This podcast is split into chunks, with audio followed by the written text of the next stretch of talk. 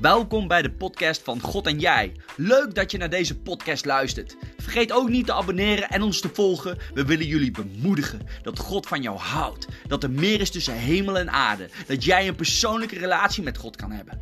Vergeet ook niet onze website te checken: www.outreachzutphen.nl. Be blessed in Jesus' name.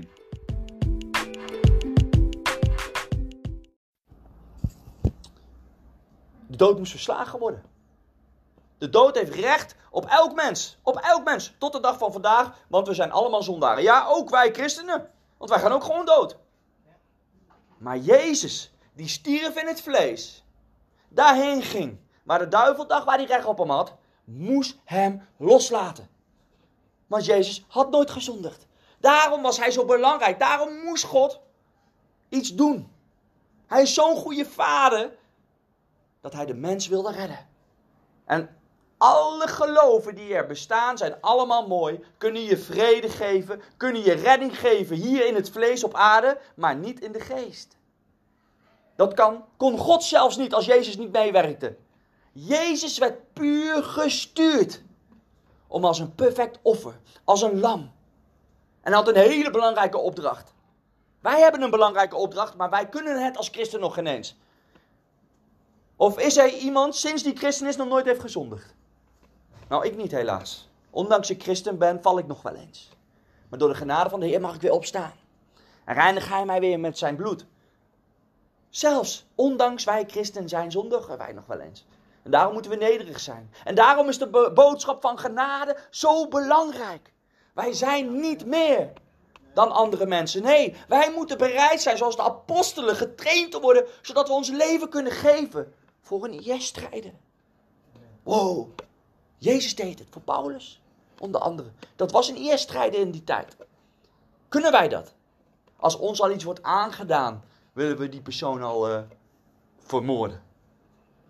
Nou, is logisch, wij zijn maar mensen. Daarom is het zo belangrijk dat wij vol zijn van deze geest. Vol zijn van Jezus. En dan leert Jezus ons dingen die soms pijnlijk zijn. Maar als we er goed mee omgaan, dat zegt de Bijbel ook, een vader tuchtig niet zijn kind om te tuchtigen, maar tuchtig zijn kind uit liefde. Om op het rechte spoor te uh, houden, weer te brengen. En straf kan soms heel nuttig zijn. Daarom, de meeste denk ik ook van ons, onder andere val ik daar onder die categorie. Ik moet vaak eventjes mijn neus stoten om te weten, oh ja, ik moet het toch niet zo doen. Had ik maar geluisterd of... Maar gelukkig vaak kom ik dan weer tot bezinning, zeg maar. Jezus liep daar in de hel. En de demonen die daar woonden. De mensen die daar getorterd werden. En noem het maar op. Daarvoor kwam Jezus daar.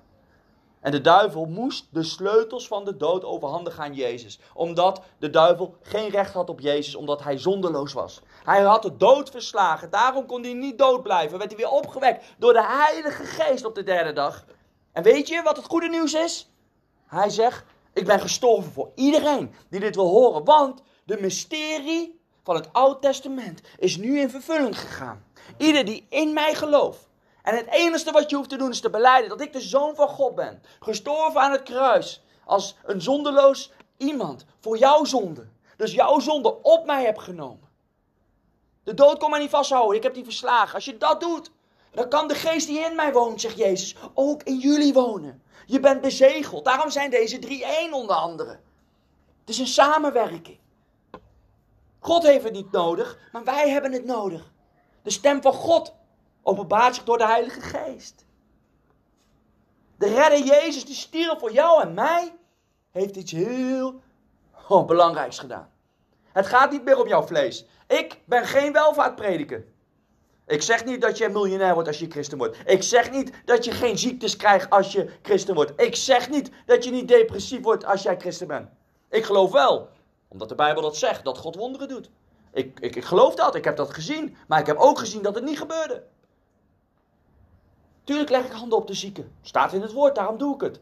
Maar het is geen tovermiddel, daarvoor ben ik geen gelovige. Het belangrijkste is dat de geest gered is.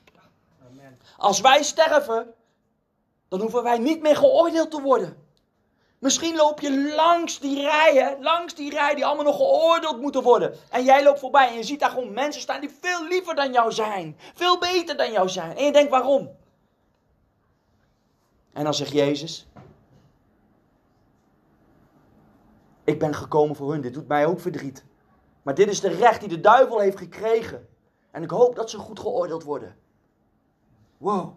Misschien kom je wel in de hemel, zie je hele slechte mensen daar die je nooit had verwacht. Maar toch op het sterfbed nog alsnog Jezus hebben aangenomen. God is zo groot. En God is echt liefde. Hij houdt van elk mens. Een mens wordt niet vals geboren, maar schop een hond één keer te vaak en hij is vals. Sommige mensen hebben geen voorrecht gehad om in een goed land of in een goed gezin geboren te worden. Is dat Gods schuld? Nee. Weet je van wie die schuld is? Van de mens zelf. De mens creëert heel veel ziektes. De mens spuit allemaal hormonen in vlees wat wij eten. Oh, ik word ziek. We geven God de schuld. Nee, het is de industrie de schuld. Wat we drinken, wat we eten, wat we inademen. De masten die straling op ons afsturen. Het is niet Gods schuld. We kunnen zo'n mooi leven met elkaar hebben als we de Bijbel volgen. Als we allemaal op Jezus gaan lijken, dan hebben we letterlijk de hemel op aarde. En dat is het wat Jezus van ons vraagt. Heb je naaste lief als jezelf en God boven alles. Dat is het grootste gebod. Als je dat kan, heb je de Bijbel vervuld, zegt Jezus. En dat kunnen we ook, zelfs wij christenen kunnen dat niet. Wij roddelen ook wel eens over mensen. Wij doen ook wel eens fouten. En dat is zo na eigenlijk. Maar als we dat onder ogen komen, dan kunnen we ook voelen hoe na dat is. En dat is soms nodig om te veranderen. Want wij zijn heel hardnekkig volk, mensen. Ik wil jullie een, een, een, heel mooi verhaal vertellen die hier heel goed bij past, wat ik net een stukje over probeer te brengen vanuit de preek. Ik ga het voorlezen en beeld je maar in wat ik lees. Als je het fijn vindt om je ogen dicht te doen, voel je daar vrij in. Het is een kort verhaaltje. Het, het verhaal heet trouwens De Schilderij. Er was eens een zoon. Die moest vechten in de oorlog. De zoon kwam om omdat hij een maat redde van de dood. Wow. Is wat hè? Dat je in de oorlog bent. Dat je iemand redt. Je hebt iemand gered en toch ben je zelf de pineut. En je wordt vermoord. Maar op een dag stond er een man bij de vader met een heel groot pakket. De vader had geen idee wie deze jonge man was. Maar de jongen zei tegen de vader: Ik ben jouw zoon heel erg dankbaar. Dankzij jouw zoon leef ik nog. Jouw zoon heeft zijn leven gegeven in de oorlog om mij te redden. Toen hij mij redde, werd hij geraakt door een kogel en stierf daaraan. Uw zoon was een echte held in de oorlog. En de vader keek hem aan. En hij dacht, wauw, bijzonder. Maar dat was niet alles. De jonge man vertelde dat de zoon veel over hem vertelde. En de vader kreeg tranen in zijn ogen. En dat was ook niet alles. Hij vertelde ook dat zijn zoon en hij zo'n kunstliefhebbers hadden. En de vader begon te lachen. En de vader vertelde, heeft hij ook verteld dat we veel bekende kunstwerken hebben. En de, de jonge man zei ja, inderdaad. Hij vertelde dat jullie echte liefhebbers waren van kunst. En daarom heb ik een pakketje bij me. En de vader kreeg het pakket. En daarin zat een zelfgemaakt schilderij van de zoon. De vader was aangeraakt. Hij was zo intens aangeraakt met liefde. En hij zei: Wat krijg je van me? De jongen zei: Ik geef het u. Ik zou u nooit iets kunnen vragen. Uw zoon heeft mijn leven gered en zijn leven ervoor gegeven. De vader hing de schilderij in zijn woonkamer, boven de schouw, de mooiste plek van zijn huis. En vaak kwamen er bezoekers die speciaal reisden om de bekende kunstwerken te bewonderen van onder andere Rembrandt en Van Goghs, die de vader allemaal bezat. Maar de vader nam ze altijd eerst mee naar de huiskamer, naar de schouw, naar het schilderij van zijn zoon. Jaren later stierf de vader. Hij had geen erfgenamen. Zijn zoon was immers al overleden. Alles werd geveild en veel mensen over de hele wereld kwamen om zo'n bekend kunstwerk te kunnen zien of te kunnen kopen en het in hun eigen collectie te hebben. Nou, de veiling begon en als eerste werd de schilderij van de zoon te koop aangeboden. Maar niemand reageerde. Maar de veilingmeester bleef vragen: wie doet er nu toch een bod? Uiteindelijk iemand helemaal achterin schreeuwde: Nou, ga toch door! Wij willen dit flutwerk niet. Wij willen de meester hebben. Iemand anders in het midden riep: Precies, hier komen we niet voor. Maar de vuilmeester zei: Wie, oh wie? 100 euro? En nog meer mensen, nu ook op de voorste rij, begonnen te klagen en te roepen: Laat zitten, ga door, wij willen dit niet hebben.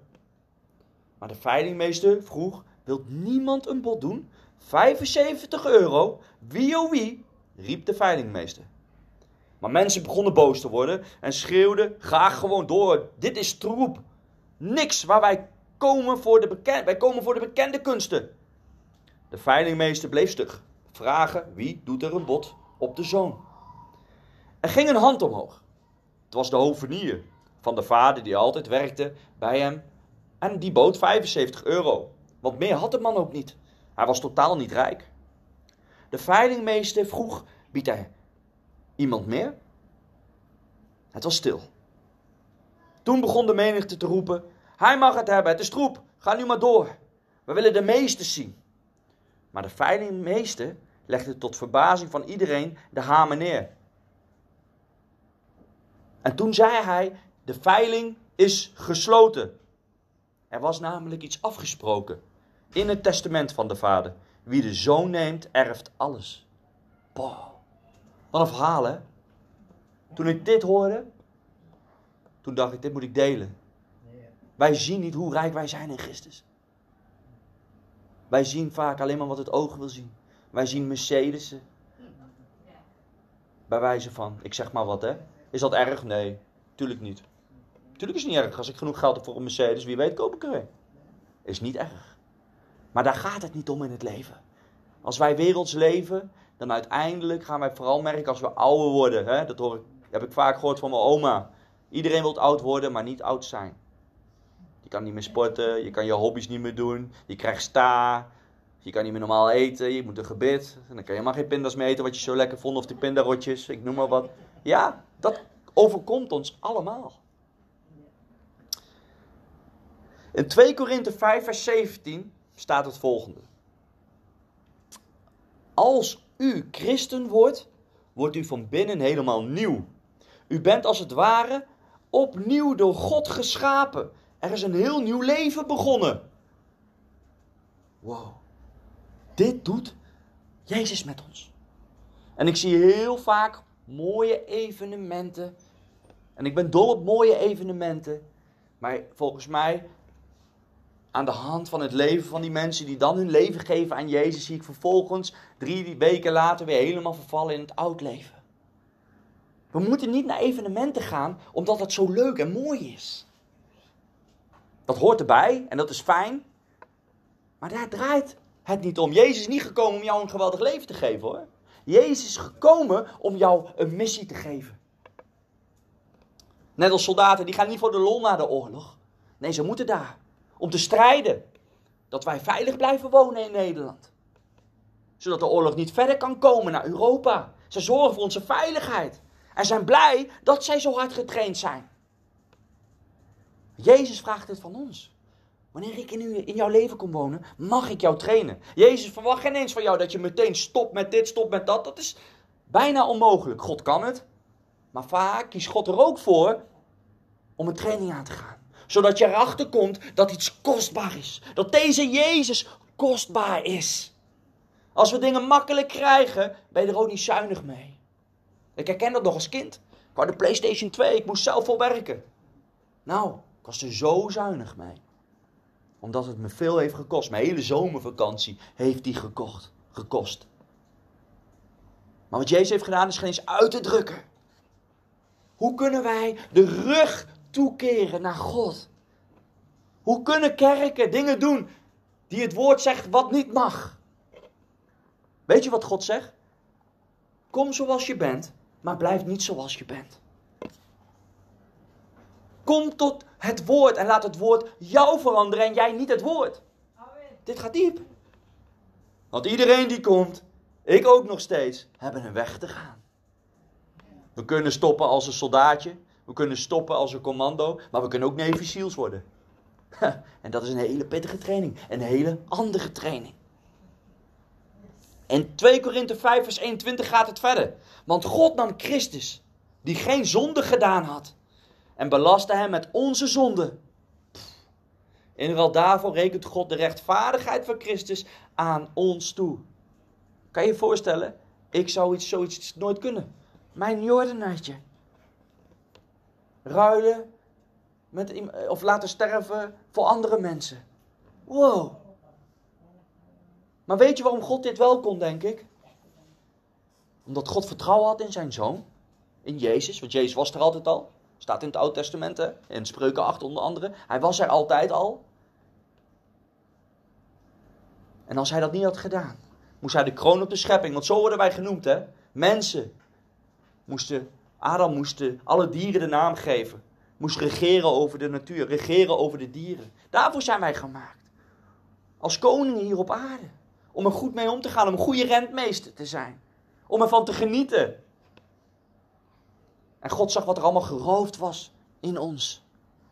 Hij stuurde zijn zoon om het weer goed te maken. En dan is hij nog zo goed. En dat vind ik zo bijzonder. En sommige, volgens mij is dat in het boeddhisme, dan durven ze nog geen vliegje dood te maken. Want oh jee, ze geloven in reïncarnatie hè. Van oh jee, straks word ik, uh, woe. Nou, als ik een vervelende vlieg zie, ik maak hem hartstikke dood. En als die nog vervelend is, zoek ik hem op. En dan pak ik hem.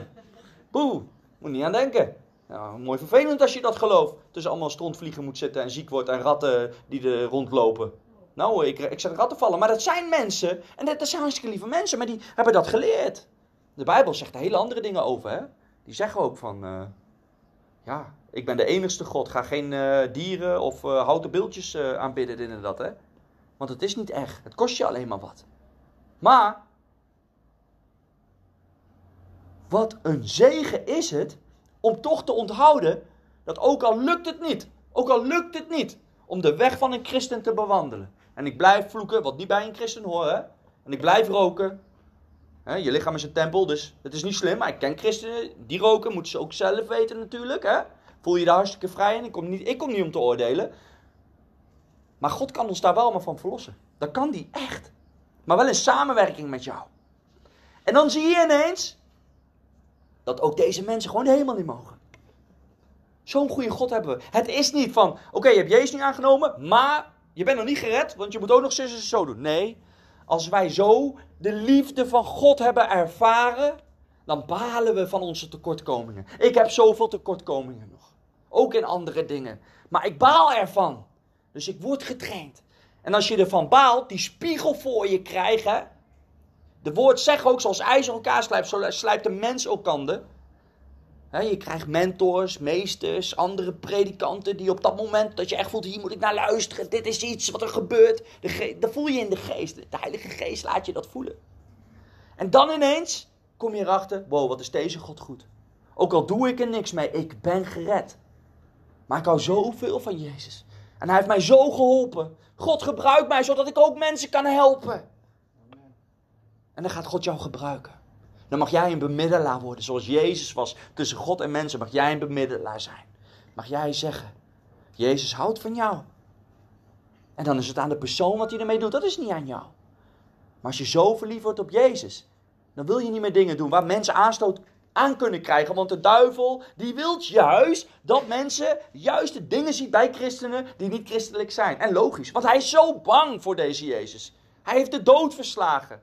Hij heeft miljoenen zielen, wat? Biljoenen zielen gered van deze plek waar geen mens wilt. Uit genade. Uit genade. Jesaja 53, vers 5, daar staat. gaat over Jezus, werd al geprofiteerd in het Oude Testament.